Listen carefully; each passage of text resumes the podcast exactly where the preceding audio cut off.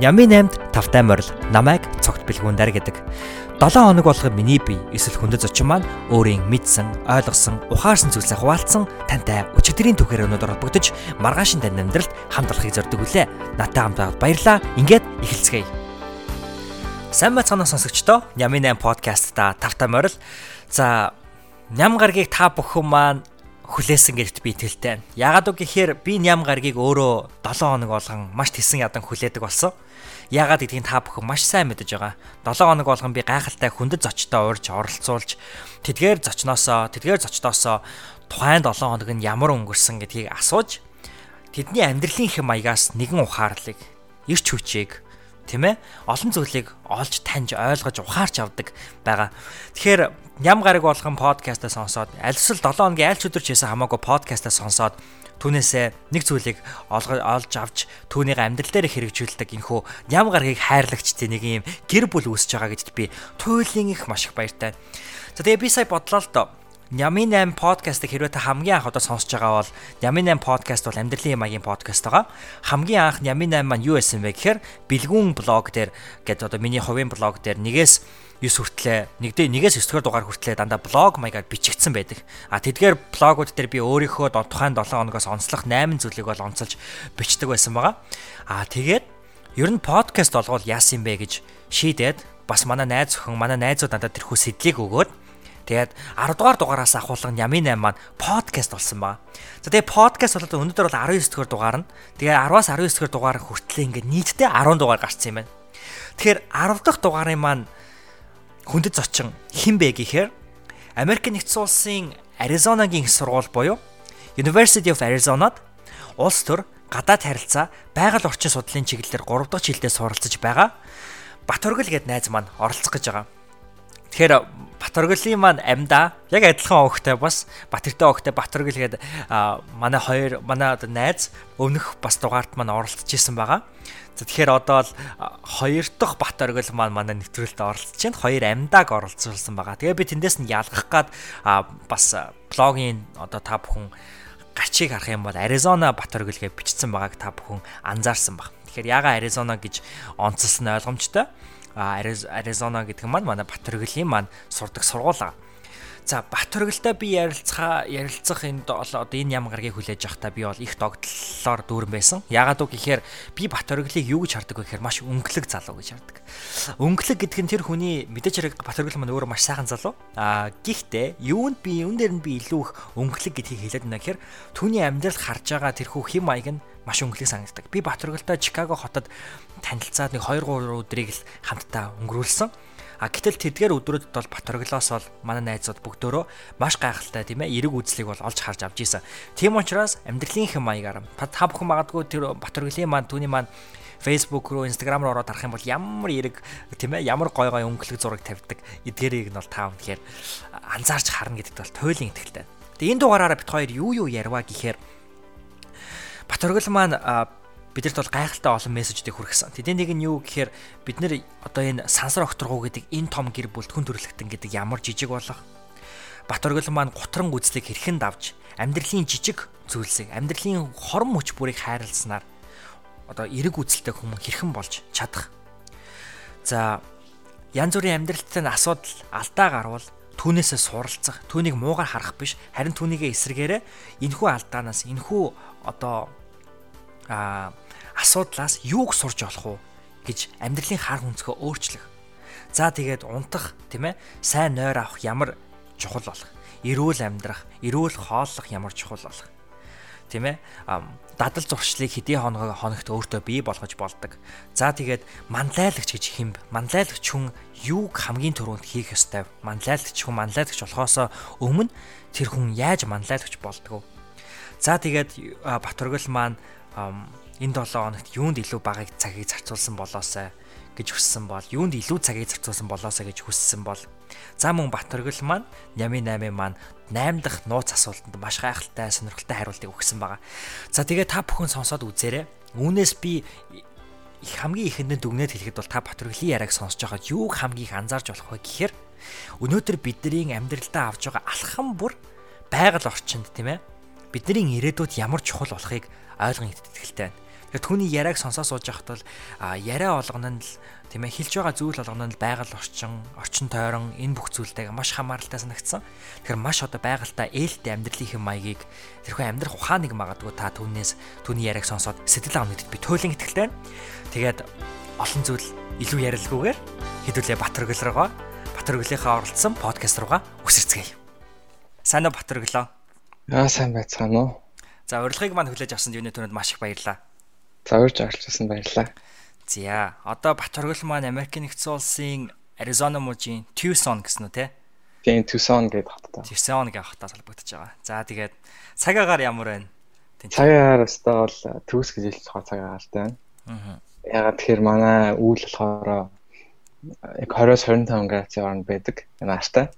Монголын 6 сар 100 ямар байдаг вэ яг тэрнтэй адилхан.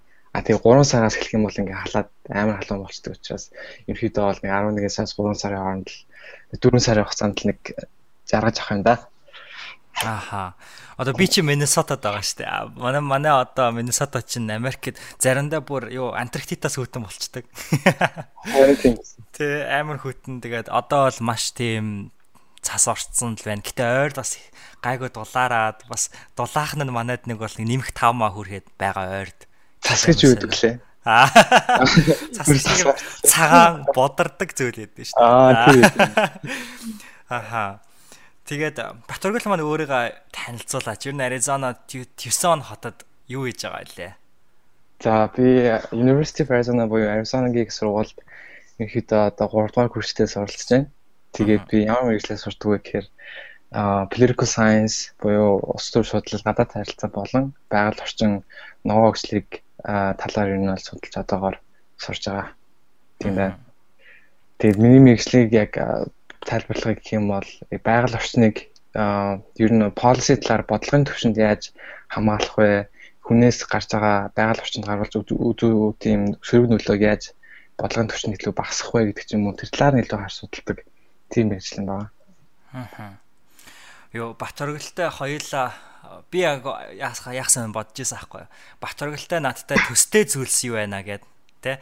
Тэгээд хоёр би бодож байгаа. Бат оргилт хоёр хоёр л хоёр хамгийн анх нөгөө модел юу байна буюу загвар нэгдсэн үндэсний байгууллагын хурал дээр Чикаго хот танилцж исэн. Яг одоо манай бүс нутагт те Иллиной мужид.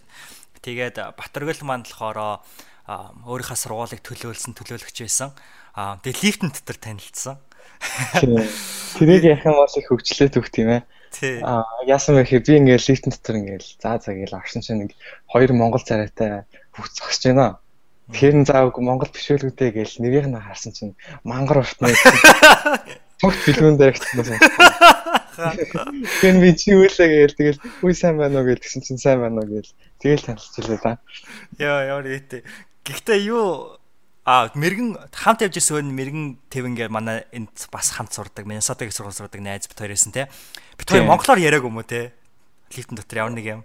Та хоёрын майргуу зүгээр л зогч исэн баха. Аа, тэгвэл чи чи миний нэрийг харчаад а тийм юм байна, тийм юм байна.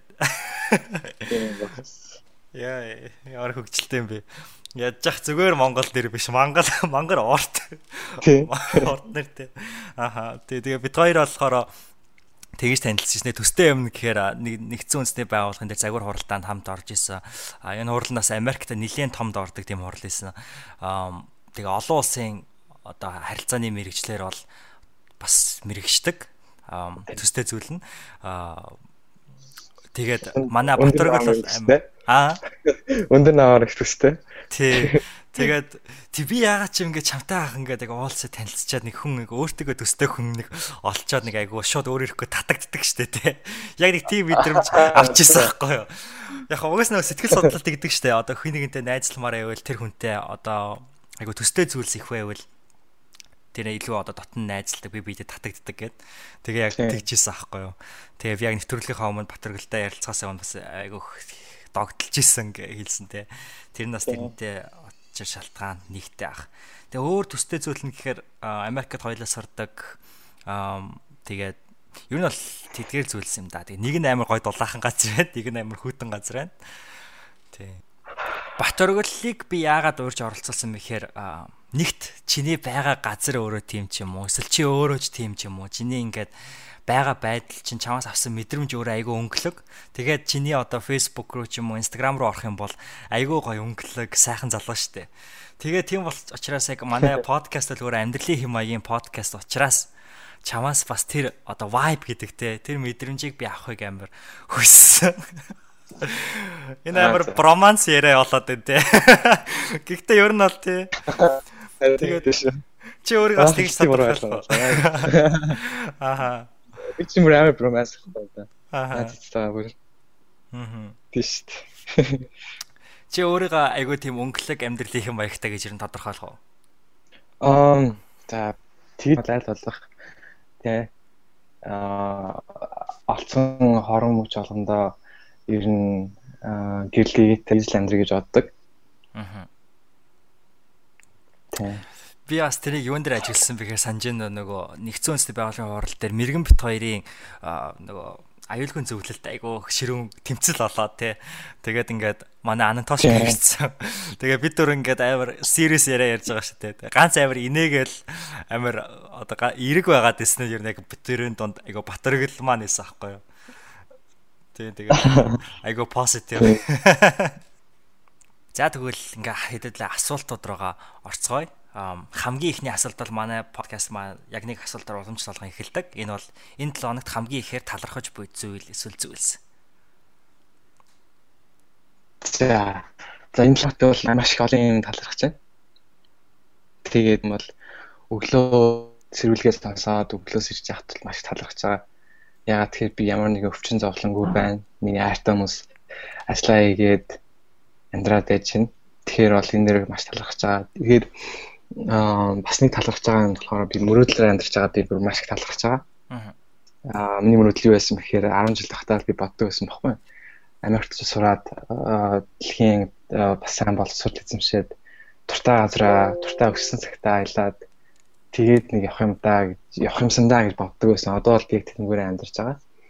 Тэгэхээр миний дараагийн мөрөөдлөд бас байгаа. Тэгэхээр тэр мөрөөдлөөр амьдрна гэдэг бол ерөнхийдөө бол бас сайхан зүйл тэрнийг би бас салгаж байгаа. За дараагийн талхаж байгаа юм бол би хайртай хүмүүс намайг миний арт ингээд зогсож байгаадаа би маш талархдаг. Хэрэгтэй үед минь уцаар нэг усны залгалтын цаамд байдаг хүмүүс учраас а дараа нь болохоор маш их боломжууд байгаа л да.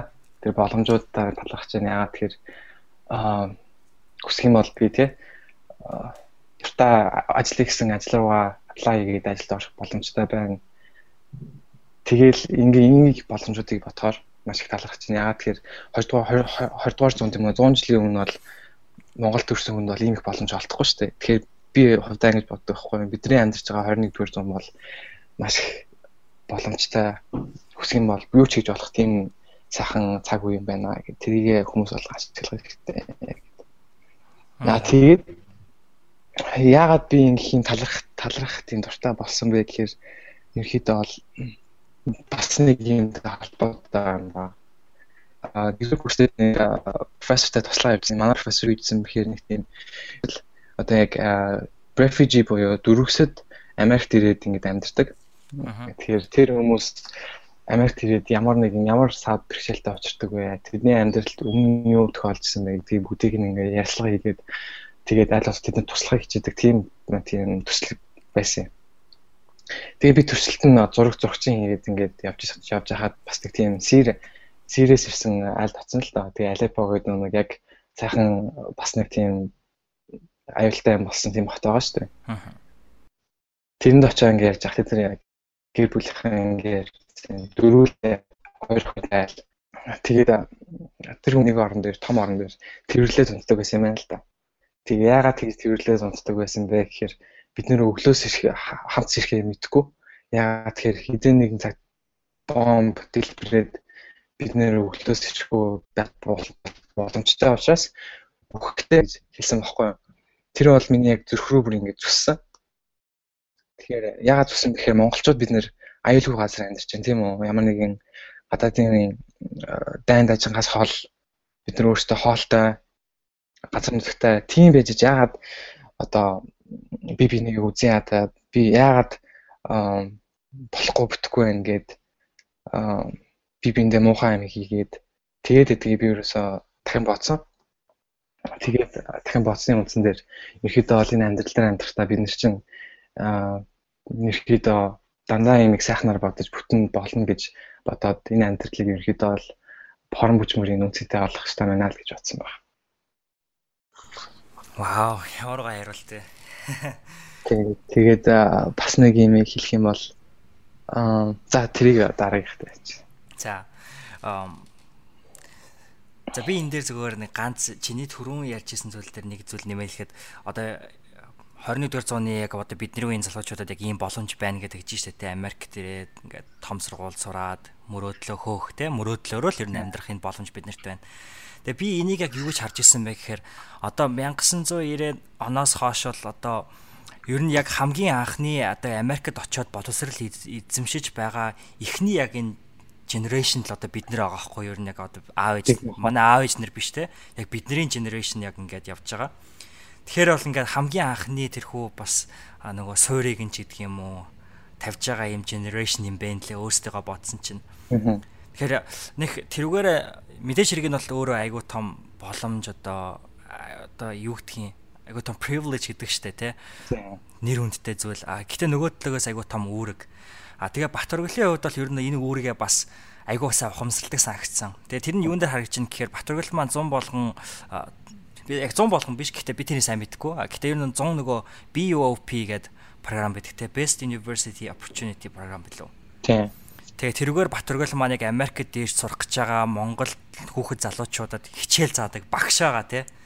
Тий яг хоо тэрийг бол эхнийхээ одоо freshman year гэдэгтэй эхний курсдгээр төгсөөд тэгээд зунаа ажиллахаар шийдсэн байгаа. Ягаад тэгэхээр би өөрөө бас ингээд apply хийгээд ингээд явж байхдаа манай бидний агч нар тийм ээ бас тийм програм зохиод надад би хичээл нь авчихсан баггүй. Тэр бол надад маш их нөлөөсөн. Тэгээ манай найзууд надтай хамт анги найзууд баг бүгдээрээ л Америк надтай хамт ингээд байж байна. Тэгэхээр би бусад дүүнэртэй бас нэг хичээлээ заагаад тэдний бас мөрөөдлийг биелүүлэхэд туслая гэж бодоод бас цуныхаа амралыг гэсэн үр бүтээлтэй мөрүүлгээд ерөнхийдөө бол тэгж багшлахаар шийдсэн. Тэгээ багшлага ер нь бол аюу хэцүү байсан. Ягаад тэгэхээр 20 хичээлээ бэлтгэхийн тулд тэр хүмүүсээс мөнгө төлсөн байгаа тийм үү.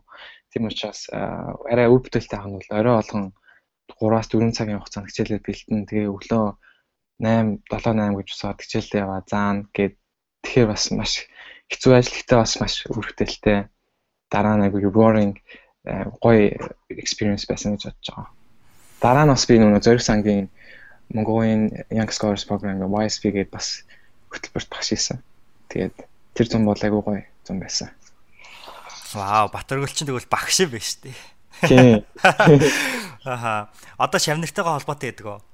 Холбоотой байлгаа хаа. Тэгээд зарим манай шавнар маань шавнар гэхээр ярьсан саргууд нэ. Гоё сонсогдож шүү дээ. Манай хүүхдүүд маань бүгдээрээ зарим нь ингээд Америкт ирсэн сурж байгаа. Аа. Яг асуух хичээлээ. Тэгээд тэдэртэйгээ холбогдоод юу болж ийн яаж ийн хичээл нь дагуу юу гээл хоорондоо ярилцаад тэгээд явдаг. Аа. Тэгээд айгүй гоё. Аа. Тантай одоо багшаа тантай яаж хүмүүс холбогдож болох вэ? Одоо ер нь өөрийнхөө сургалтын програм энтрийг ер нь за яг юу гэж асуух гээд нэг гэхээр одоо яг ямар нэгэн хөтөлбөр юунд хамагдахгүй ч гэсэндээ ерөнхийдөө Америкт их сурах сонирхолтой ч юм уу тэр залуус тусалдаг одоо ер нь тийм зүйл байгаа юу? Яг одоо хуваараа ч гэдэг юм уу? Аа тэгээд зөнд ер нь бол тийм сургуулийн төвүүд бол маш олон болцсон байлээ. Аа тэгтээ хүн хүсэх юм бол ер нь өөртөө интернет гэдэг бид нар тийм одоо resource байна тийм үү. Тэгэхээр интернетээс ашиглаад юу болж ийн яаж ийн гэдэг бүгдээрээ нь бол хувь хувьдаа айгуу сайн бэлт хэрэгтэй. Аа тэгээд зөвлөлтийн хувьд болох юм бол бид нарт Америк сурдаг оюутнууд маань бид нар лөө Facebook мессеж гэх юм бол бүгдээрээ л ерөнхийдөө бол хариу туслахад бол баяртай байдаг. Яагаад тэгэхээр бид нар ч гэсэн тэдний хүүхдүүд чиг бас тэгээд явчихсан учраас. Аа. Тэгэхээр бид нар Америк сурдаг одоо Амсаа гэдэг манай Америк Монгол оюутны холбоо гэдэг байгаа тэнд сурдаг бидний гişүүд рүү ер нь бол нэччихэд бид нар бол байдаг. Аа. Зя, өстой гоё хариултаа. Тэгээ мөрөөдлөөрөө амьдарч байгаад чамд бас баяр үргээ. Мөрөөдлөөр амьдрын гэдэг бол хамгийн сайхан зүйл гэхдээ хинч марахгүй бах. За тэгэхээр хоёулаа шууд хоёр дахь асуулт руу орох уу гэвэл За аа энэ 7 хоногт уншиж буй ном эсвэл онцлог контент юу байсан бэ? За би яг үндэ нэг хичээл эхлэхээр би янз бүрийн тийм ном ном уншаад чаддаг юм аа. Харин тийм те. Би тийм биний ном унших дуртай ном тэгээ уран зохиолын ном би унших дуртай байхгүй.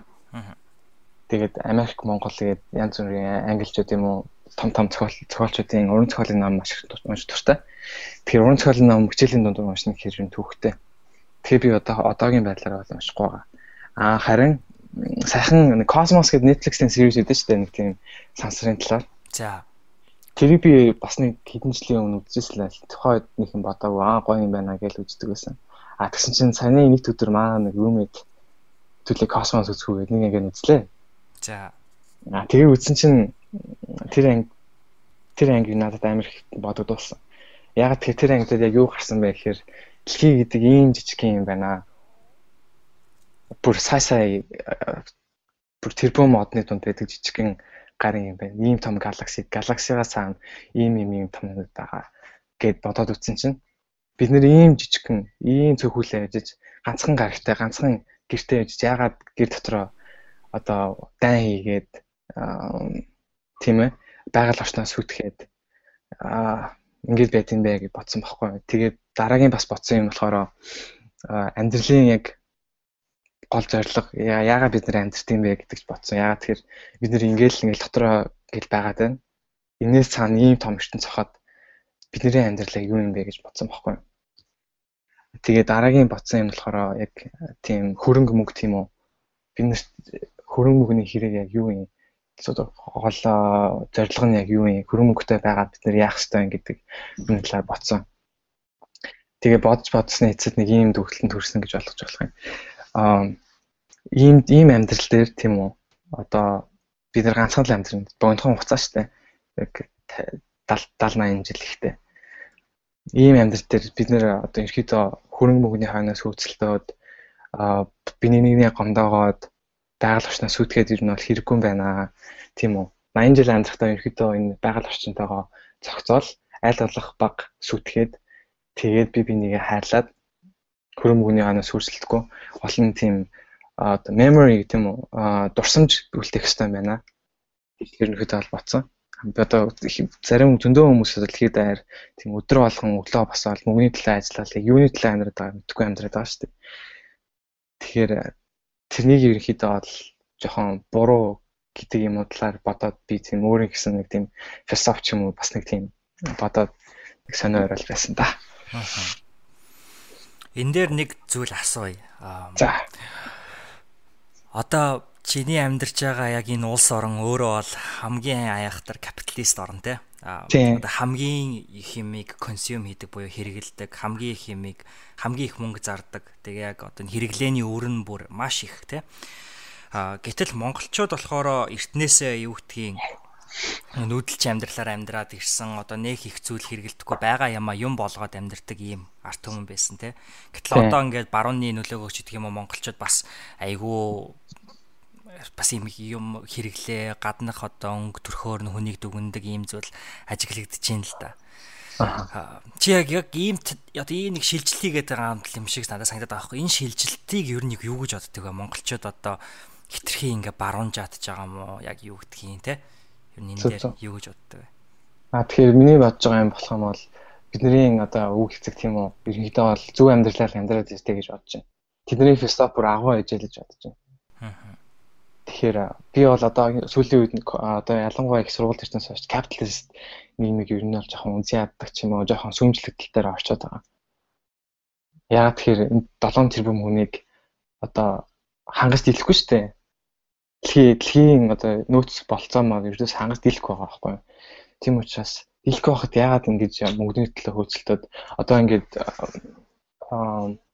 хөрөнгийн gap гэдэг ингээ хараад байгаа байхгүй. Тэгэхээр дэлхийн нийт хөрөнгийн бараг 90-с 95% нь дэлхийн хүн амын 1% нь ингээд байгаа байхгүй.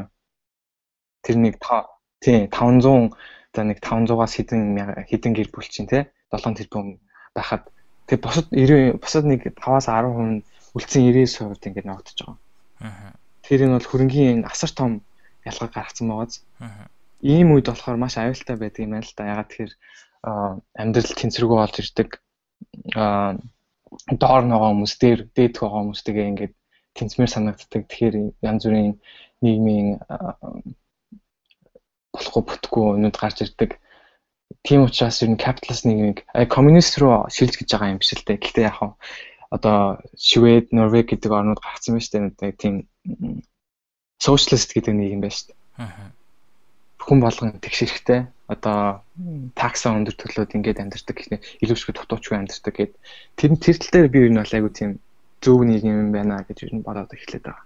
Аа тэгээд бас бас нэг юм болохоор minimalist lifestyle гэж юм тийм үү аль болох баг аа хөрөнгө баг тавилгач байт юм уу гэр дотроо team амьдралын lifestyle-ыг ерөөхдөө бол бас жоохон дэмжиж эхлэв байгаа. Тэгээд би бас нэг бахан ингээл янз бүрийн ийш байн болоод нүүж штэ.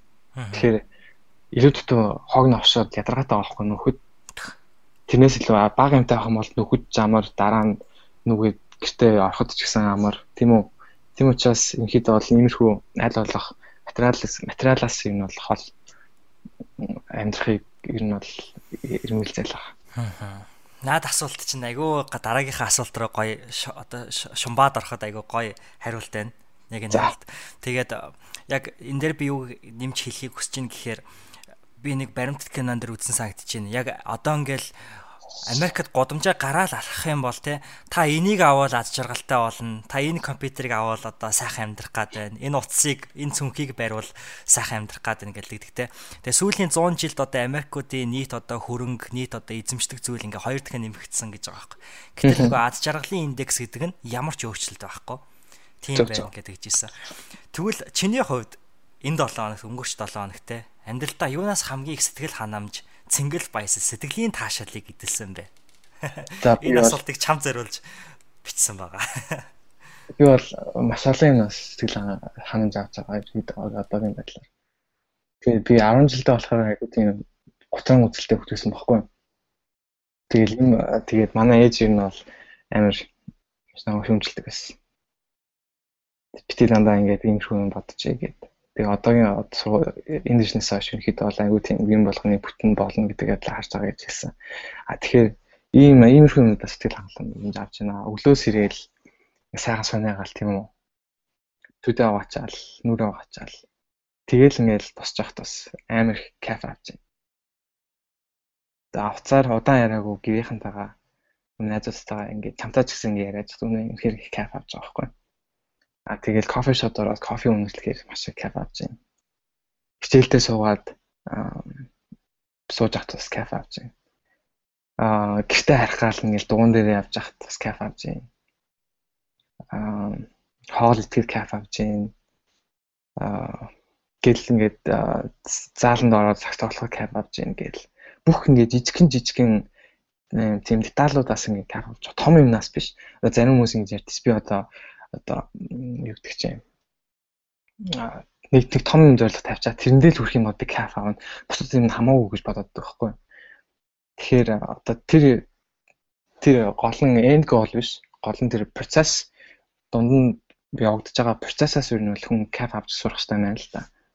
Тэгэхээр би болохоор одоо тэгээд юм жижигэн жижигэн бас ингээл кафе аваад өөрийгөө баярлуулаад явж байна да. Аа. Тэгээ Батөргөл маань гутран үзэлтэй хүүхэд байсан гэж юм. Тэгэхээр гутран үзэлтэй байжгаад одоо эрг үзэлтэй хүн болохын тулд амьдралын жижиг зүйлсээс таашаал авч сурах нь хамгийн чухал алхам байсан уу? Яа, ер нь бол тэгж яж болно шүү. Аа. Тэрэн дээр өөр бас юу ажиллах вэ одоо гутран үзэлтэй. За магадгүй би айхтай гутран үзэлтэй хүн байла. Чи надад юу гэж зөвлөх байсан бэ ер нь? Аа, за яста хэцүү маа. Тэг үзүүлэх юм бол таа одоо ингээд чи жишээ нь чиний ингээд саний хэлж байгаа жишээнүүдийг ингээд сонсгоо те хүн болгоно л өдөр тутамдаа нь хийдэг зүйлс те. Тийм гэтэл яг нөгөө хийж явах явцдаа ингээд өөр юм бодоод а тэр тэгчих үедээ ч гэдэг юм уу те ингээд ирээдүйд болох гэж байгаа юмнаас айгаал эсвэл өнгөрсөнд болсон юмнаас ол шаналал ерөөсө яг тэр одоо цагаа ерөөсө ингээд бүр таашаахгүй. Тий. Аа тэгэхээр аха тэр нь юм болов чи юу гэж бодож байна бас тэр бас ер нь бол үнэ шүү. Одоо одоо ингэдэг ч юм уу те нэг далаалаа хэлсэн байт юм байл л те. Аа хэрвээ чи нэг юм санаа зовоод байвал аа тэрийг санаа зовоод байгаа юм аа өөрчилж чадах бол чиний одоо контролд чинь байгаа бол тэрийг хий тийм ээ одоо босоод хий. одоо гэдэг чинь маргааш чи нэг шалгалтай байна гэж бодъё л доо. Аа. Тэгээд за би яна шалгалтай шүү. Яах уу гэдэл ингээд зовж байхын оронд одоо босоо шалгалтандаа бэлдэл гэх юм уу. Тэгэх юм бол тэр чинь тэгэл цаа зовх хэрэг шаардлага байхгүй шүү дээ. Одоо жишээлбэл одоо юу гэдэг чинь өнгөрсөн зүйл надад зовё л доо. Одоо би шалгалтандаа өчтөр өгсөн шалгалтан дээр би за 50 байгаа дээр авчлаа гэж үү. Тэр үнэхээр санаа яаж санаа зовсон тэр шалгалтын 50-ыг 100 олж чадахгүй шүү дээ. Тийм тэрийг мартаад за одоо 50-аа би сайжруулахын тулд яах вэ? Дараагийн шалгалтад яаж бэлтэх вэ? Одоо багштайгаа ярьдаг ч юм уу энэ 50-аа дахин шалгалт өгч болох уу гэж. Тэр тал дээрээ бодох юм бол илүү илүү одоо стрессгүй амьдрах юм болов уу гэж бодож байна. Аа. Тэгээд одоо өнгөрсөн ирээдүйд хэтрийгээ санаа зовхоос илүү одоо яг одоо байгаа байдалд одоо байгаа мөчтөө тэрийг мэдрээд тэрэн дээрээ яг ингээл хиймаа хийгээл явах хэрэгтэй юм шиг. Манай ээж бас намайг амар загнадаг байсан. Би ингээл сургууль аплаа хийж захтай яна орохгүй бол яна тэтгэлэг олдохгүй бол яна гэж завдаг. Тэгэхээр ээж миний хөвгтэй санаа зовоо болдог юм болдгоороо болно гэд бурхны зурсан зураг байгаа гэд хэлдэг байсан. Тэгэхээр яг үндэ бол би болох юм болдгоороо болд юм аа. Тийм учраас нэг санаа зовлтгүй яг одоо хийж байгаа юмд концентрейт хамаг анхаарлаа төдрүүлээл тэгэл ер нь бол амьдрах хэрэгтэй байна гэж бодсон. Аа. Тий. Зөв зөв. Тэгэхээр хоёулаа Дайраар. Аа би зүгээр хоёулаа яг ийм жишээнүүд дурдсан юм чинь дөрөвт асуулт нь ер нь төстэй санагдаад дөрөвт асуулт руу орё л гэх хичээлээ. Аа за. Би бас нэг байсан уу? Үний нэг нэмээд хэлчихье. За. Одоо би бас нэг юмнаас кайф авч байгаа юм. Хүлээлт гэдэг юмнаас амар кайф авч байгаа байхгүй. Аа. Тэгэхээр ягаад хүлээлтнээс кайф авч байгаа гэхээр хүн юм хүлээгээд ингээд нэг тийм юм гоё юм болно даа гэж бодохоор ер нь бол амар их аа түн өгчаагаа ингээд явд юм байл та. Аа. Одоо юу гэдэг хайртай үнэ санана гэдэг чинь нэг бодлын хэцүү ч гэсэн нэг бодлын маш их аз жаргал байхгүй. Ягаад тэгэхээр чам санах хайртай хүн байж тээ. Тэгэл яах вэ? Тэгэхээр би одоо 100 болохыг бол маш их хүлээж байна. Тэгээд 100 болохыг хүлээх явцдаа өөрөө 100 болохын тулд маш их юм хийж амжуулах хэрэгтэй гэж бодоод тэр хүлээлтэнд бас кап аваад ингээл явж байна. Ягаад гэвэл хүлээх юмтай байна гэдэг бол маш гоё. Аа. Тэг миний бас нэг амьдралын хамгийн их айдаг юм болохоор хөшин болоод ямар ямар ч зориггүй хүлээх юмгүй болоод гэртээ хэвтэж авах үедээ л гэж тэрнээс л хаяад юм да. Тий. Тэр их наачин гэдэг амар үнэн шүү. Яг нэг урдаа нэг юм догтлуулж байгаа юм амьдралд байх айгүй гоё идэгтэй. Маш гоё. Хөдөлгөх хүч юм. Тий. Чи ингээд би наадан дээр чинь зүгээр нэг хасам хасам байна. Заримдаа ингээд ирээдүйд юм за зөвхөн дандаа сайн юм байж болохгүй шүү дээ. Ирээдүйд чи бас муу юмыг магадгүй одоо ингээд за нэг юм болчиход ингээд сандарч иж болно шүү дээ. Тийм одоо байдалд орчхоор ер нь яг яадаг одоо ингээл яана ингэч хийдэ тэгч хийдэ гэл юм санаа зовоод тахаараа. За муу юм болох юм бол за муу юм юу ч гэж болно тийм үү. Би тэр муу юмыг яаж харах хардаг болсон бэ гэхээр одоо ингэж ярьдэн шүү дээ. Ингээд ус аяхтаа ус шүү дээ талаар нь дүүргэсэн. Тэрийг тал дөрөв сонно эсвэл тал хоосон ус ингэж харнаас цэлтаалнаа л гэж байгаа. Тэр харах үнцэг их чухал юм шиг байна. Тэгэхээр ямар нэг юм алдаа гаргаад муу юм болох юм бол за би энэс юу сурж болох вэ? Энийг дараа нь яаж алдахгүй байх вэ? Тэгээд энэ муу юм болсноороо ямар юм болж ийнө гэж тэгж харах хэрэгтэй. Тэрнээс биш нэг одоо юу гэдэг чинь тийм болчлоо, тэрнээс л боллоо, энээс боллоо гэж хүн хин нэг буруутгах нэг ямар нэгэн өв хайхаас илүү энээс юу сурч болох вэ гэдэг тэр муу юм аа эрэг тал руугаа чиглүүлэх юм бол хүмүүс арай илүү эрэг амьд чадах юм шиг л. Зөв зөв. Маш гайхалтай хариулт байна. Тэгэхээр дөрөв дэх асуулт маань болохоор юу байгаа штэ тий. Таны энэ 7 тогтмол үйлдэлсэн онцлог зуршил дэг рутин тань юу байсан бэ гэд тэгж байгаа. За. Саяны ярьсан зүйл дээрээ нэм нэммээ санагдаж байна. Эсвэл чанд өөр онцлог зүйл байгаа юу? Аа, рутин үү? Тий. Чиний рутин ямар вэ? Өдөр тутмын. За, миний ер нь бол одоогийн яг хамгийн чухал рутин гэх юм бол 8 цаг унтах. Аа. Би яг унтахтаа ингээд цагаад ингээд хардах. Одоо унтах юм бол тэдэн тэдэн цаг хэдэн минут унтах юм байна гэдэг. Тий, би бас яг дандаа тэгтэн шүү дээ. Тэгэл яг 8 цаг унтахыг бүр make sure хийгээл яг баталгаатай 8 цаг унтах шүү. Тэгээд ер нь бол унтах хэрэгтэй юм билээ. Аа. Тэгээд өглөө болгон өглөөний цагаа авахыг бас хичээж байгаа. Ягаад тэгэхээр хүн бол эрүүл ахын тулд өглөөний цагаа маш сайн авах хэрэгтэй. Гэхдээ зөв хоол идэх хэрэгтэй бас тий айд болох ногоон жимс мэрс ч юм уу. Аа тэгээд Тийм байна. Тэгээд ерөнхийдөө бол ийм дадал зуршил рутиныг ер нь байлгахын тулд эрдэмтэд судлаад нэг 21 хоног гимиг татаж хийх юм бол яг ингээд хүнд ингээд зуршлуулт юм байна л да. Тэгэхээр өдрөө болго өглөө болго ингээд үлэнэ цааваад ч юм уу өглөө болгоно дасгал хийгээд бас 50-аад хоёр бас ярьжсэн чинь подкаст нэр бүтэв posture гэдэг нуруугаа тэгшлэх хэрэгтэй гэдэг ч юм уу 21 хоног тгээ явчих юм бол ерөнхийдөө олон дадал зуршлуулаа авчт юм байлээ гэж хэлж байгаа. А тэгээд эндээд нэмэгдээд бас нэг юм хэлэх юм уу хүмүүстэй хэлэх юм бол эрүүл байх гэдэг үл ер нь хамгийн чухал шүү гэж хэлмээр байна. Ягаад тэгэхээр би 100 өвдсөн баггүй юу? За. Өмнө нь 100 ч гэсэн бас өвдөд. Ягаад чи 100 очихоор өвдөд тий. Монгол очихоор. Аа. Тэгээд өвдөд ингээл хитэж явах тэр нэг юм бодогтой. Хэрэг гिचнэн зориг байгаад гिचнэн хүсэл тэмүүлэл байгаад өвдчих юм бол тэрийг хийж чадахгүй шүү дээ. Хинч хасаа. Аа. Энэ учраас хамгийн амьдрал баримтлах хамгийн number 1 юм болох юм бол эрүүл байх хэрэгтэй юм байна. Эрүүл байхын тулд юу хийх хэрэгтэй вэ гэхээр тасгал хөдөлгөөн хийж авах хэрэгтэй, стрессгүй байх хэрэгтэй, зөв хооллох хэрэгтэй тийм үү? Чөлөө цагаа зөв өнгөрүүлэх хэрэгтэй гээд энэ энэ дадал туршлуудыг хэвэл амьдралдаа давтаад ингээд явж байгаа хэрэгтэй юм л. Аа. Тий. Унтах тал дээр чи өмнө нь 8-аас бага цаг унтдаг байсан уу? Аа за ер нь бол орой шин кино мань үзэл Аа тэгэл ерөнхийдөө бол 8 дот 6 мурган цаг 5 мянган цаг унтаал. Аа. Тэгэхээр энэ айгу ядраад би болохоор яадаг байхгүй шүн нэмэж яддаг. Ягаад ч өдөр нь юм хийждэг. Зарим хүмүүс чинь одоо шүн хийх юм бол арай илүү үр дүнтэй хийдэг мэдэг гэж ярьдаа штэ. Аа. Хүн хүн өөрлөх би болох хувьдаа болохоор өдөр яг хичээлээ тагаал сайхан юм хийгээл тэгээд орой сайхан 8-аас хойш юм хийхгүйгээр сайхан амраал. Тэгэл орой нэг 11 11 гэл унтчихвол ер нь зүгээр санагдаад байна. Чи яг 8 цаг унтах гэдгийг судалж байгаа за ер нь хүн 8 цаг унтах хэрэгтэй байна гэсэн үү? Эсвэл яг өөрийнхөө туршлага дээртэй 7 цаг унтаж үзээ, 6 цаг унтаж үзээд ингээ хараад за 8 цаг нь зөвөр юм байна гэж бодсон уу? Аха, ерөнхийдөө бол бас судлаач судлаач үзэлийг 8 цаг 7-оос 8 цагийн хооронд л өдөр унтах хэрэгтэй байна гэсэн нэг тийм судалгаа шүү дээ. А тэрийг хараад би бодсон л доо яг за 8 цаг унтах юм байна гэдэл. Тэгээд ингээд өөрийн хүн туршлагач гэсэн ерөнхийдөө бол 8 цаг унтахаас л илүү тийм ирч хүчтэй санагдаад шүү. Эсвэл эсвэл 10 цаг унтчих юм бол жоохон ноцоороо ядраал тий. Аа. Тэгээд арай бага унтчих юм бол арай нэг нойр нойр хүрээд идэх ч юм уу. Аа.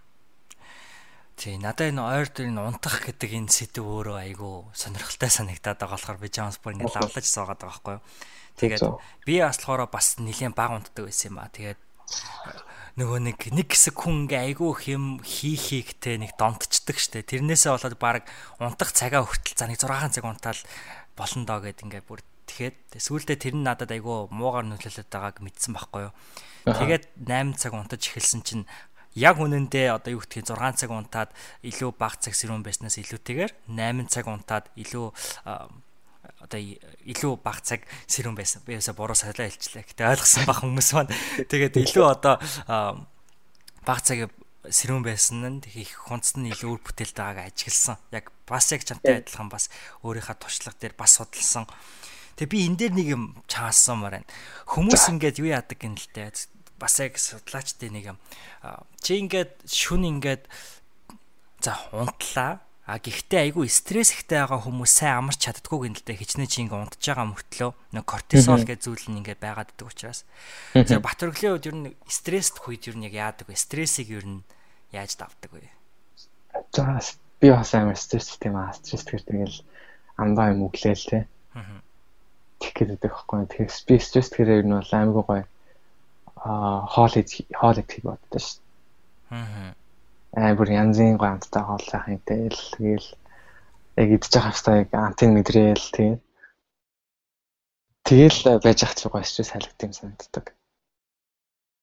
Аа бас нэг бас мэдээж хайртай хүмүүстэйгээ ярих юм бол бас мэдээж сайхан стресс халигдана тэгээ дуртай юм аа хүн нэг дуртай юм аа хийх юм бол стресс халигддаг юм дөө. Аа чиний хийх хамгийн дуртай зүйл юу вэ би хоол дуртай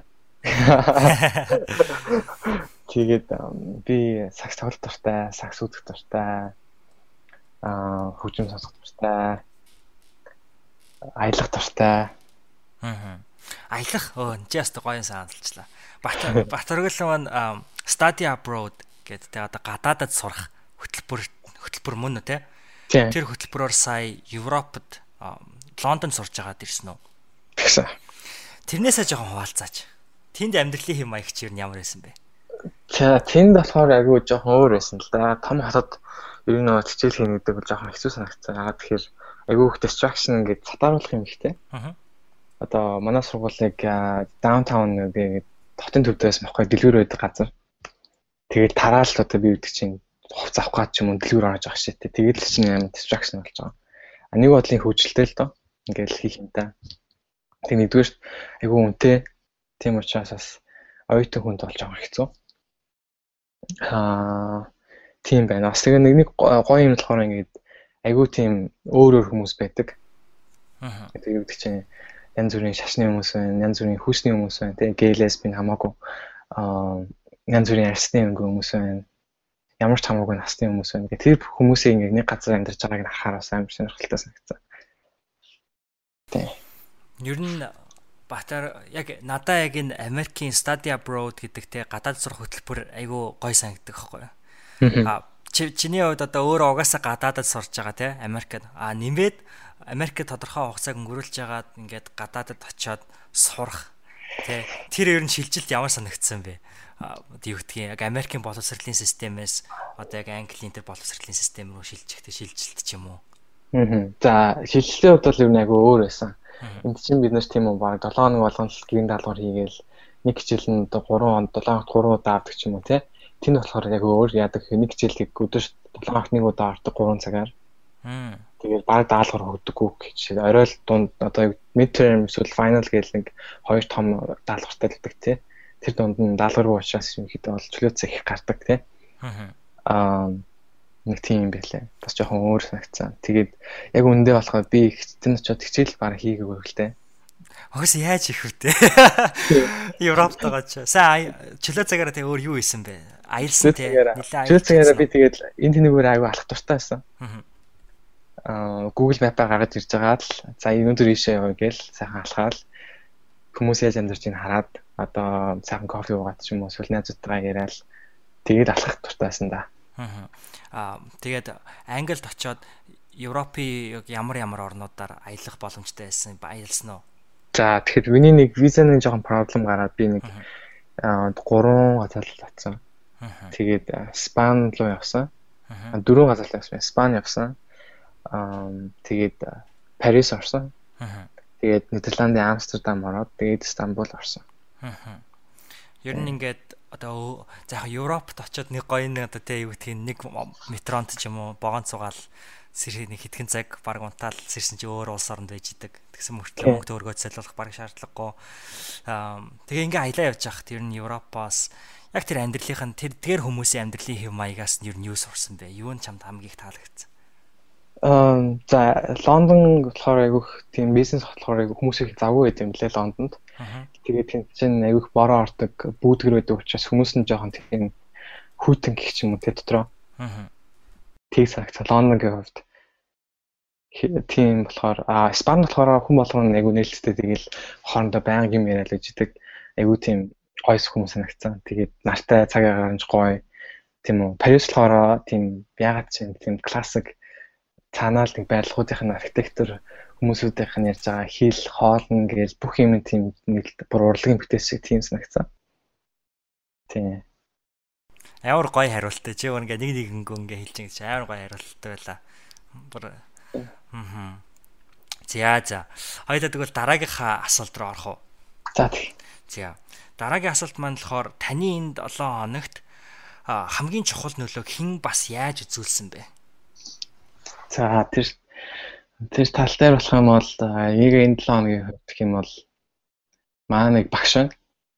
Нилээн настай би нэг ethic and leadership гэдэг одоо ёс зүйтэй манлайлал гэдэг нэг тийм хичээл авч байгаа байхгүй. За. А тэр тэр хичээлээр маа нэг багш одоо нилээн настай 80 гарсан баг хөгшин тийм хүн байгаа. Тэгээд манай хүн болохоор надад юу гэж хэлсэн бэ гэхээр би манай ангид юу гэж хэлсэн бэ гэхээр анх ер нь бол жоохон одоо феминизм гэдэг нэг мөвгөнд байгаа шүү дээ. Эмэгтэй хүмүүсийн тэгшэрхийн талаар. Тэр нь би итгэдэггүй байсан. Тэгээд айгүй энэ нурын тийм үл тоос тоомсролдог тийм залуудаа тийм байсан. Одоо болохоор ихэд хөшрөөд ихээр нас яваад ирэхээр ойлгоод феминизм бол яг үний юм байна. Энд бас бит хүмүүс бас сэтгэх хэрэгтэй байна гэж хэлсэн болохоор би тэгэн дээр юу гэж бодсон бэ гэхээр хүн бол бас өөрчлөгдөж болд юм байна. Тийм үү? Аа ямар нэг юм дээр бас ойлгож болоод хүмүүст бас бусадаа бас тэг тэрийг experience гэдэг яриад ойлгуулж чад болох юм байна гэж бас ойлгосон. Тэгээд би feminism class нэг юм ярмаар байна л та. Одоо ерөнхийдөө бол дэлхийд даяар тийм эмэгтэй хүмүүсүүдийг яаж тэгш ирэхин хааж боовсралдаг боодог үлээ. Одоо Сауди Араб сайхан л одоо хүмүүс эмэгтэй хүнийг машин драйв жолоодох хэрхийг нэг өглөө шүү дээ. Тэгэл одоо бид нэр мэдээ тэгэж маш олон юм харж байна. Одоо эмэгтэй хүмүүс яаж sexually ингээд harassed болсон бэ? Яаж тэр хүмүүс бэлгийн замын бэлгийн замын гинэ бэлгийн тийм дарамт төгссөн бэ? Яагаад эмэгтэй болох болохоор ингээд дандаа чи тийм юм өмсөхтэй тийм ингэж байх хэрэгтэй гэж хүмүүс бас тэгж хэлтийн тий.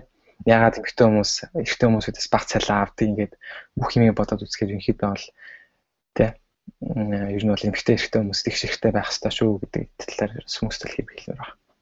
Аа. Бас нэг манай багшийн хэлсэн юм юу гэхээр одоо манлайлагч лидер лидер хүн юу хийх хэрэгтэй вэ гэхээр бас ийм байх хэрэгтэй мэн л да ерөөдөө бол servant leadership гэж байгаа. Лидер байхын тулд эхлээд Хүмүүст үйлчлэх хэрэгтэй дараа нь лид хийх хэрэгтэй гэж байгаа. Тэгэхгүй одоо зөндөө хүмүүс одоо ингэж ярьдаг шүү дээ. Би л малаагч би л лидер хүн учраас эдрийг одоо ингэ удирдах хэрэгтэй. Юу хий, тэрийг хий гэж хэлэх хэрэгтэй гэж хэлдэг. А тэрнээс илүү лидер хүн гэдэг болохоор хүмүүст юу хэрэгтэй байгаа тэр бүлтэнд тусч ажиллаад чамд юу хэрэгтэй ингээд тухайн доор нь ажиллаж байгаа хүмүүсээр илүү ингээд өсөж твчгтэн тэр болцоог нь гаргаж өг тэр орчныг нь бүрдүүлээд тэр тэр хүмүүст ингээд серв хийх хэрэгтэй юм байна л да. Аа Тий. Яагаад манай багсаас нэлээ энэ талаартын бодогдуулсан юм байна. Яагаад яг энэ ethics and leadership тэ энэ ёс зүйн манлайлал гэдэг хичээлийг сонгож авсан бэ энэ семестрүүд? За за энэ болохоор манай нэг honors гэдэг би програм дээ. Тэгэхээр honors гэхээр одоо бас нэг арай илүү хичээл хичээл мичээлийн сонголт нь арай илүү жижиг хэмжээл авдаг гэдэг юм Америкийн нэг систем л байдаг л та. Тэгээд энэ хичээл болохоор honors гэдэг програмд дагуу олгогдсон хичээл байсан баггүй. Тэгэхээр нэлээд хэцүү. Ягаад гэхээр би 25 хуудастай тийм судалгааны бичих ёстой нэг семестрт нэг хичээлийн зориулж. Аа. Нэлээд 25 хуудас бичих нэг чинь бас хэцүү шттэ. Аа. Тэгэхээр аа би бодсон баггүй. За 25 хуудас бичээд бичгийг болоод өөр хичээл амрах хичээл авах уу гэж бодоод за за ерөнхийдөө бол их сургууль ирсэн юм сургалттай юм чинь энэ хичээлийг аваад өөрийгөө бас чаленж хийгээд үзье. Тэгээд үнэхээр бас дараа ирээдүйд лидер болох юм бол хэрэгтэй сурах юм байвал сурах юмаа сураад үзье гэж бодоод тэгээд сонгосон байна. Аа. Тийм. За чи сая яг яг лидер болох юм бол гэж хэллээ. Чи өөрийгөө лидер гэж тодорхойлдоггүй гэж юу? Аа за мэдээж лидер болохыг бол хүсэж байна. Гэхдээ яг тийм одоо би лидер гэж хэлэхээс илүү хүмүүс тус туслаад өөрчлөлт гаргаад тийм тиймэрхүү лидер байхыг хүсэж байна да. Тэгэхээр ер нь бол мэдээж хүсэж байна. Гэхдээ одоохондоо бол лидер байхын тулд хүн ихлэд өөрийгөө бэлдэх хэрэгтэй. Би бол өөрийгөө одоохондоо бол нэг бэлэн бол биш байгаа л гэж бодож байгаа. Би яагаад энийг тэгэж асууж байна гэхээр би бол чамааг яг хувьдаа бол Монголын яг одоо энэ цаг үеийн бидний үеийн залуучуудын бас нэгэн лидер манлайлагч төлөөлөгч нь гэж бол хардаг. Тэгээд яагаад тэгэж харж ийна гэхээр зүгээр л одоо чиний одоо сая ингээл хэлж штэ те би OP-д ингээ багшилсан, зориг санд ингээл багшилсан гээл. Тэгээ одоо ингээ амсаагаар дамжуулаад хүмүүст зөвлөгөө өгдөг гээл. Тэгээ өнөөдөр чи надтай ингээ ярилцаад хүмүүст өөрийнхөө бас мэдэх чадах зүйлээ хуваалцаад өөрийнхөө амьдралын ямагийг танилцуулж ингэдэг чинь чи маш их хэмжээгээр хүмүүст аль хэдийн үйлчилж байгаа байхгүй те. Тэ тэгээд би бол яг тэгэж л бодлоо. Аха. Тэгээд нэг сонсож байгаа хүмүүс бас нэг тэгсэн юмыг бас сурж байгаа тайхмаа хаяад Тэгээд бас нэг юм бодогдуулж байвал бас тэр нь л бас миний бас тэр надад кайф өгж байгаа юм л да. Аа. Тийм. За. Тэгэхээр бас нэг хүнийг хэлээ да. За. Бас нэг надад нөлөөсөх юм гэвэл бэлгүүнэ байна. Чи ягаад тэгэхээр чи надад ингэ өрлөө өгж байгаа шүү дээ. Аа. Тэр чинь аа би бас их баярлсан. Тэгээд бас урилга авсан учраас хүн бас хариуцлагатайгаа тул асуултуудаа бэлдэх хэрэгтэй. Тийм учраас бас надад бас ч нөлөөсөн шүү. За баярлалаа тэгэл яхаа зүгээр би бас чамааг яг тэ нэвтрүүлэлт урагтчаа тэгээ урагцсанаас хойш 3 дугаарыг сонссон байлээ тэ 88. Тэгээд тэрэнд нь би бас айгүйх баярлсан. Аа яг л сонин шүү дээ. Ер нь тэгээ хүмүүс яг өрсний дараа сонсогч болчтой шүү. Тэ би харин яг хин гэдгийг хэлэхгүй. Гэхдээ би саяхан нөгөө юу SoundCloud руу ороод хамгийн их одоо хин намайг хин манай одоо яг энэ миний подкастыг сонссон байна гэсэн чинь яг манай нэг оролцогч бүр рекорд өвдсөн хамгийн их сонссон хүн нь байлээ. Тэр хүн өөрөө мэдж байгаа хэ тэр хүнд бас баярлаа. Тэ аягүй сонирхолтой. Аа За тэгэд хоёулаа дараагийн асуулт руугаа оръё. За. Дараагийн асуулт маань болохоор энэ өнгөрч байгаа 7 хоногт юунд илүү бага цагийг, юунд илүү их цагийг зарцуулсан болоосоо гэж бодож байна гэдэг асуулт байгаа. За, би юунд бага цагийг зарцуулсан бэл яасан болоо гэж бодож байна гэхээр уцаа жоохон бага оролцсон. Оролцсон бол арай дэл дээр байх ажтай гэж бодож байна. Яагаад тэгэхээр би нэг жоохон уудралтай өглөө болцоо шууд ингэ уцаа шалгадаг байхгүй. Мэйл ирчүү, хүмүүс Facebook Messenger Messenger ирчүү янз бүрийн болж байгаа билэрийг хардаг. Тэгэл оройн унтахаас өмнө ингээл унтахаас өмнө бас ингээд харанхууд тэгэл уцаар алтаал. Тэгэхээр энэ бол маш их цаг аваад байгаамаа. Тэгэд бас нүдэнд ч ихсэй гомоо. Тэгэд ихтэй хэрэггүй мэдээлэлээс толгойгоо аж хаанд өөрийн мэдсэн бол гэж бас бодоод байна. Тэр утасныхаа бас оролдох цагийг бас багасмаар байгаа хавтаа. Бас нэг тийм зорилго тавьсан байна. Аа. За дараагийн нь болохоор а найзуудтайгаа эсвэл гэр бүлийнхэнтэйгээ л зүгц ярьсан бол гэж бодож байна. Яг тэгэхээр бас нэг ярих цаг бас олдохгүй байгаа маа. Тэгэхээр бас би нэг 100 Монгол очиагүй шүү дээ. 100 гинэ үйл. Аа. Өвлийн амралтаараа хүмүүс чинь үйл Монгол Монгол очиад тэгэл ерөнхийдөө бол жилдээ л нэг Монгол очиж байгаа. Тийм учраас гэрийнхний харагсаг сандаг. Найзуудтайгаа сандаг. Тэгэхээр хүмүүстэйгээ бас ярмаар байдаг. Тийм ярьсан бол байсан баха. Аа Тэгээ гадаад сурах энийг хэцүү юм бас тэр л дээ. Хайртай дотны хүмүүстэйгээ бас хол байдаг. Тэгэхээр энэ бас бас нэг зөв том юм нэтлөө гаргаж байгаа бидний зөвлөс юм да. Аа. Чи магадгүй одоо яг Монголд тийм ээ одоо яг ингээ маргааш одоо чи ингээд шууд ингээд очих боломж чамд өглөө гэвэл чи Монголд очиод хамгийн түрүүнд юу хийх вэ? Юу хийх вэ? Аа би заасан толгой дээр гараад өглөө үрээр тэгээд хотооныг харах та. Аа. Утаатай байна уу? Яг утаа нь ямар байна гэдээ 3 жил очиаг болохоор одоо бүр төсөрсөн байна. Тэгээд амар л байгаа та. Тэг.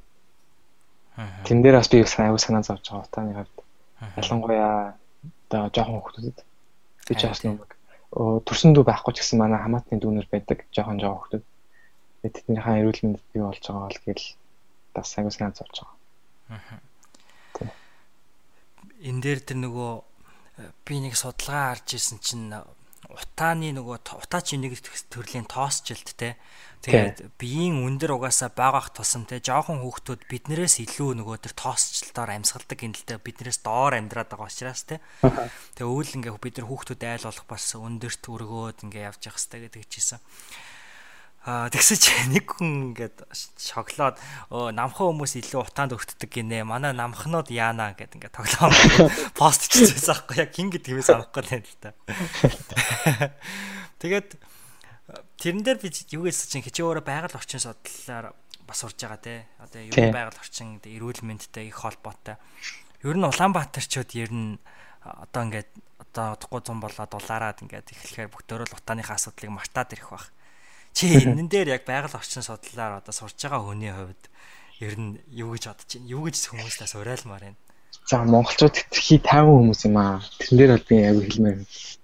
Маш 50 тэгэл асуудал нь байхгүй болон тэр дараа мартчихдаг. Тэгээд гараа тэрэнгүүл ингээл нэг нэг тоосон юм байхгүй байждаг. Би Лондонд байж хахад гэсэн бохот тдгийн агаар чинь хэрхэн штэ. Монголтай харьцуулах юм бол амар цэвэрхэн. Цэвэрхэн болцсон гэхдээ Лондончууд бас айхтар асуудал байсан тий. Айхтар байсан. Одоо бол цэвэрхэн сайхан.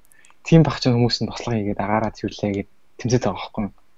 Гэтэл манай монголчууд тийм өртөөсөө байхгүй. Ямар ч тайван сайхан ууж өмсдөлтэй. Тэгээ тэрийг бас агаарын бохирдлоос гадна бид нар чинь бас хөрсний бохирдол гэж амар юм байна. Усны бохирдол гэдэг. Гэр хорооллын айлууд маань ерөөхдөө ингээд энэ өгөөлөхөд ингээд газар луугаа би засаж байгаа шүү дээ тэр нь хөрсийг маш их бохирдуулт юм байна. Янз бүрийн бактерийг гаргадаг юм байна. Тэрэн дээрээ өөртөө тэгээд одоо юу хүүхдүүд нь тоглолдог тийм хөрсөн дээр нь. Аа. Хүүхдүүд нь тоглолдог, тэн дээрээ барилга барьдаг. Тэрэн дээрээ янз бүрийн ногоо ургуулдаг. тэр хүний усны тэр хөрсний бохирдол нь нөлөөлөд ус ууж байгаа усанд нь бас нөлөөлдөг гэдэг байхгүй. Тийм учраас залуу одоо бид нар бас боловсон хүчин бэлтгэдэг гарч ирсэн. Тэгэхээр аа тиймэрхүү хөрсний бохирдол дээр бас анхаармаар байна. Тийм арай илүү шин орчин шин тэгшилтэй технологитой тийм нойлж орлон бас гарах хэрэгтэй байна гэж бодсон. Аа. Тэгээд бас ер нь бол хараад хаад climate change гэдэг ингээд цаг уурын өөрчлөлт дэлхийд даяар болж байна тийм үү? Монголд скутер чинь зарим газрууд халж ийн Калифорнид одоо гал гарлаа гэл гэж ингээл hurricane гэл янз бүрийн хар шуурга болж ийн гэл ингээ хараад хаад ерөнхийдөө бол бид нэр байгаль орчинд л юу нь бол number 1 анхаарах хэрэгтэй юм байна шүү. Яг тэгэхээр бид нэр гэртэй гэрээ бид нэр хайрлах хэрэгтэй. Одоо гэр дотор бид гутлгүй гутлаа тайлж ордогтой адилхан бид нэр бас байгаль орчнод гэсэн хайрлах хэрэгтэй байна. Гол мөрнөө хайрлах хэрэгтэй байна амтаа амттай хайрлах хэрэгтэй юм байна. Ягаад тэгэхээр тэд чинь бүгд экосистем ингээд гинжин холбоотой байдаг учраас. Аа. Тэгээд хүмүүс бас тэр нэг сүрэлмээр байна. Ягаад тэгэхээр ягаад тэгэхээр гинэ. Одоо гэдэг чинь пластик тий аль болох килограммата бага хэрэглэе, тогоо хэмнээ, усаа бас бага хэрэглэе гэдэг ч юм уу. Тэгээ усанд орохдоо ингээд шүшүрт орж байгаа бол хэрвээ бие савндж байгаа үед усны хэрэг байхгүй шүү дээ. Аа Тийм учраас тэр зөвшөөрөө хаагаад тусанд ордог ч юм баг багаар ингээд юм юм багасаа эхэлдэг учраас тэгээд байгаль орчноос хамгаалаарай гэж хэлмээр. Аа. Маш гоё хариулт байна. Магадгүй ингээд сонсоход айгүй бидний бидэрт нэг хамаагүй ч юм шиг те. Бид нар яг ийм асуудал дээр яхаар айгүй юу яадаг штэ. Яг энэ асуудлаас зогтдаг штэ те. За ямар маргааш байгаль орчин устаа дэлхийс өнчих штэ ч гэдэг юм уу. Гэтэл яг үнэндээ бидний авж байгаа өчүүхэн алхам болгоно л байгаль орчны энэ юунд айгүйх нөлөөлдөг. Өөрөөр хэлбэл энэ бидний амьдралын хэм маягаас айгүйх одоо хамааралтай тий. Санагдаад байгаа. Шүү за тэгэхээр чи сая одоо манай сонсогч нартаа ингээд амьдралын маягаа ажиглаарай тий байгаль орчныхоо төлөөгээ захилаа. Тэгвэл 7 дахь асуулт маань дараа 7 хоногийн өөртөө юу гэж захих вэ? Дараа 7 хоногийн батар үгэлт юу гэж захих вэ? За би түрүү хэлжсэн амар санаа зовдөг гэд. Тэгээд бас одоо ч их санаа зовдөг. Тэгээд агадлан хот амар их тийм даалгаврын дасаа юмд байна. Тэгээд тэрийгээ бас бити санаа зовхгүйгээр одоо одоо энийг дуусгаад шууд ном сайн явах хэрэгтэй шүү гэж бити санаа зовоораа л хэлээ даа шүү. Аа Тэгээд аа хийх ёстой юм а хийгээ цаг цагийн юм цагтаа хийгээрэй гэж хэлээ. Аа. Тэгж хэлсэн юм. Аа. Наадхан дээр чинь би нэг ганц зүйл нэмээд хэлэх нь юу гэхээр одоо ингээд айдс те За ингээд догтлоод ийм юм байгаад одоо яана гэд ингээд айдс эсвэл догтлж яж болно. Би энийг сүүлийн үед нэг яаж жоохон өөрчлөх гээд байгаа хэрэг жоохон жоохон айгаад ирэхээр өөрөөсөө асууна ер нь би яагаа айгаад байгаа юм лээ те. Тэгснэ. Эсвэл яг үнэндээ би зөвхөн догтлоод баярлаад байгаа ч юм билүү гэж ингээ бодоод тэгээд өөртөө бүр итгүүлэх гэж оролдоод байгаа байхгүй. Би бас яг үнэндээ айсандаа биш. Айгуу гоё юм болох гээд Тэ одоо нэг ангид ингээ discussion discussion явж байхад ингээ миний ээлж ирэхээс өмнө нэг хүн чинь нэг жоохон айдаг шүү дээ. За буруу ингэлчих үдээ ч гэх юм. Тэр хоёрын дээр би тэгдэг байхгүй сүүлийн тэгээд за би яг үндэ айгүй гоё юм хэлэх гээл тэрэндээ бүр тогтлол баярлаад байна гэж ингээ өөртөө бүр хотлаагаасаа fake it until we make it гэдэг чинь тэр шиг л нэг тийм яагаад байгаа. Тэгээ магадгүй тэр аргыг бас чи хэрэглүүл хэрэглэх юм бол бас магадгүй хэрэгтэй яж болох юм. За. Тус туснэ. Тэгэхээр надаа айгүйх ажиллаад идэв шүү дээ. Тийм. За тэгвэл энэ хүрээд бол одоо Ямин 8 маань 8 асуултын 7 нь бол ингээд дуусаж байна. А 8 дахь асуултыг нь болохоор би Батөргөлтөө бол хараахан хэлж амжааг байгаа. Тэгээ 8 дахь асуултыг ер нь бол ярилцж явах үедээ эсвэл тэр хүнийг мэддэг байдлаас нь хараад ер нь бол би асуудаг байгаа. Тэгээд би энэ энэ удаагийн 8 дахь асуултыг чамтай ярилцж байхдаа бодлоо л доо. Чи өөрөө уран зохиолын ном унших айгу дуртай гэж юм те. Би тэгээд энэ дээр хинч байж болно заа. Уран зохиолыг ямар ч зохиолч хийж болно. Чи хэрвээ хин нэгэнтэй яг дараа 7 хоногт бүтэн ингээд тэр хүн үхсэн ч хүн байж болно тийм ээ бурхан болцсон ч хүн байж болно. Нэг зохиолчтой ингээ уулзаад нэг 7 хоног бүтэн амьдрна гэвэл хин гэдэг зохиолчтой хамт амьдрах вэ? Яагаад бас тэр хүнтэй ер нь хамт юу хийх вэ? За аа за бодох юм за тэгвэл хэлэх юм бол би нэг ийм зохиолч тийм. Henry David Thoreau гэдэг нэг тийм одоо нэг бас нэг байгаль орчны талаар бичдэг ч юм уу зохиолчд байхгүй Америкийн. За Тэгээ тэрний нэг бичсэн Walton гэдэг ном байдیں۔ Аа. Тэр Walton гэдэг ном нь яадаг ном бэ гэхээр ингээд тэр чухалч маань өөрөө ингээд тийм жижигхэн модон дүнзэн байсан ингээд аа хэрт ингээд өөрөө байгаад тэгээд ерөөхдөө бол аль болох баг resource ашиглаад ганцаараа ингээд байгаль орчин таваа гэдэг нэг хэсэг болоод ингээд амьдрах талаар ингээд бичдэг байхгүй. Аа. Тэгэхээр хэрвээ би тэгэх юм бол тэр зохиолчтой тэр байшинд нь 7 хоног амьдрах та. Аа. Тэгээд адл ямар ямар авдал явдлууд туулна гэж бодож байна. Тэгэж амьдрал. Тэгэх юм бол одоо юу гэдэг чинь аа хоол хоолоо яаж бэлтгэх вэ гэхээс эхлээл юу нь бол яах вэ? Аа. Тэ одоо яаж хоолоо бэлтгэв тэг чөлөө цагаараа юу хийх вэ гэдэг ч юм уу. Тэгэхэд тэгэхээр ер нь бол атлеттай л баг та. Аа. Айгуу гоё хариулт энэ. Ягаад тэгэхээр яг чиний өнөөдөр надад ярьсан энэ зүйлсээс би юуг одоо common theme гэж хэлдэгтэй. Одоо юуг хамгийн их ажиглаж ийн гэхээр чи бол гайхалтай яг үнэндээ ингээд байгаль орчинд бүр ингээ хайртай те. Зарим хүмүүс үнэхээр байгаль орчноор чиглэлээ сурж байгаа ч гэдэг юм уу тэр талаар одоо юм судалдаг ч гэдэг юм уу юу гэдэг тэр талаар одоо сонирхолтой ч гэсэндээ гэж хэлдэг ч гэсэндээ яг цаагаараа нэх айхтар ингээд тэр нэг өдөр тутмынх нь ярьж байгаа зүйлсэд мэдэгддэггүй шүү дээ. А чамаас болохоор энэ зүйлс айгүйх мэдэгдэж байгаа байхгүй. Чи баг асуулт болгонд бол байгаль орчин тий чиний хүрээлэн байгаа орчин ямар чухал нөлөөтэй энийг бол айгүйх давтаж хэлж байгаа надад айгүйх сайхан санагдаж байна. Тийм тэгээд ерхийдээ бол жоохон өсөхтэй бичсэн тэгэл хөдөө явдаг. Аа тэгэл сайхан өвсөн дээр ихтэл янз бүрийн антимнууд хараад ингээл юм ерхэд тоглоод тэгэл явдаг байсан. Тэгээд манай хүүхд ингээд одоо гарлаа гэж бодъё л доо. Тэгээд манай хүүхд ингээд яхад цүлтэн дээр ч юм уу тэр энэ тоглолт байсан газар цүлтсэн байх юм бол бид ч өсөхгүй байна. Тэгэхээр ер нь бол байгаль орчинтай маш хайртай амьдарч байгаа газартаа маш хайртай. Тэгээд ер нь бол хамгаалах хэрэгтэй, хайрлах хэрэгтэй гэж боддог. Тэр ер нь бол байгаль орчиндөө ээлтэйгээр амьдралын хэм маягийг хэвшүүлэх нь их чухал гэж би одоо амьдарч байна тийм үү. Гэхдээ би өөрийнхөө ингээд янз бүрийн impact одоо footprint гэж яддаг шүү дээ байгаль орчин дээр гардаг. Тэрийг бол би ингээд бүр 0 болгомоор байгаа байхгүй. Би баг амьдр амьдр амьдр амьдраагүй юм шиг амьдрмаар байгаа гэсэн үг. Яг байгаль орчны хувьд болохоор. Тэгэхээр янз бүрийн муу нөлөө үзүүлмээргүй байна. Хувьд хувьдаа. Аа. Тэрийг сан болгоно. Би энэ дээр оргил Батэргэлээ сүүлийн ганц асуулт асуугаал тэгэл одоо хэлээр нь дуусгая. За. Би энэ дээр ямар асуулт асуухыг хүсэж байна гэхээр чи өөрөө ямар ч уул мөр үлдээмээргүй амьдмар байна гэж чинь те. Гэтэл өнөөдөр чи энэ 7 тэрбум хүний хувьд ганцхан хүн шүү дээ. Аха. Чиний хийж байгаа энэ зүйл туслах уу? Би айгаа муухай байдлаар асууж байгаа мэт сансаг санагдж байгаа мэт боловч хүмүүсийн асуудаг асуулт энэ аахгүй юу? Аха би бол туслах гэж бодож байна. Далаад туслах гэж хэлдэг шүү дээ.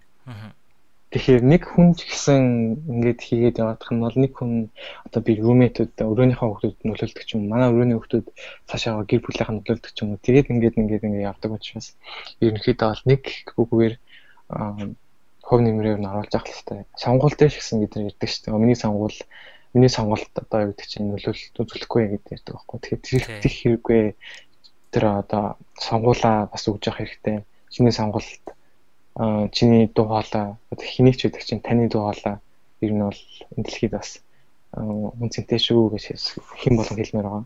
Аа. Тэгээд аа тийм байна.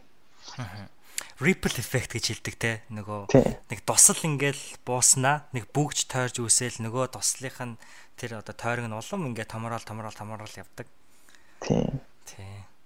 Гайхалтай хариултаа. Тэгээд чиний яг хийж байгаа энэ зүйлс ярьж байгаа энэ яриа тийм ээ бусдад багшилдаг уран зохиол дуртай тий бусдын одоо тэрхүү яруу сэтгэлгээнээс таашаал авдаг сансар судлал космос эдгээр зүйлээс өөрийгөө хүн төрлөختөн ямар жижигхэн гэдгийг хараад түүнийг тэгээ бодоод өнгөрөх биш өөрийнхөө амьдралд хэрэгжүүлээд ингээ явж байгаа энэ амьдралын хэм маяг чинь өөр асар олон хүмүүст урам зориг өгч яг энэ хүү ripple effect-ийг үүсгэх гэдэгт би туйлын итгэлтэй байна. Тэгээ ийм амьдралаар амьдраад ийм сонголт хийгээ явж байгаад бас маш их баярлж байна. Тэгээ урилгыг маань хүлээж авсан бас их баярлаа Батраглаа. За, өөрч оролцсон маш их баярлаа. Тэгээд сонсож байгаа бүх хүмүүс нь бас аюу үр бүтээлтэй гоё 7 хоногийг өнгөрүүлээрэ гэж хэлээ. За. Ингээд хэдүүлэн ямар нэмэх 19 дэх дугаарыг дуусгая. Баяртай батэрглөө. За баярлалаа.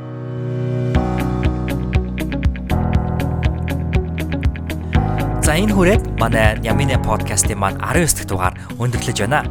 Бат оргилын маань оролцсон энэхүү дугаар та бүхэнд маш их таалагдсан гэдэгт итгэлтэй байна.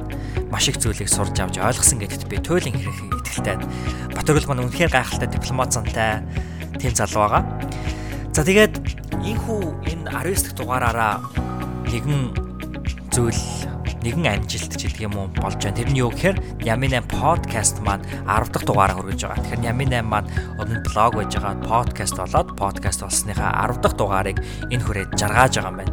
Энэ 10 дугаарын хооронд юу болваа гэхээр баг багч болов та бүхэнтэйгээ энэхүү амжилтыг хуваалцахыг хүслээ.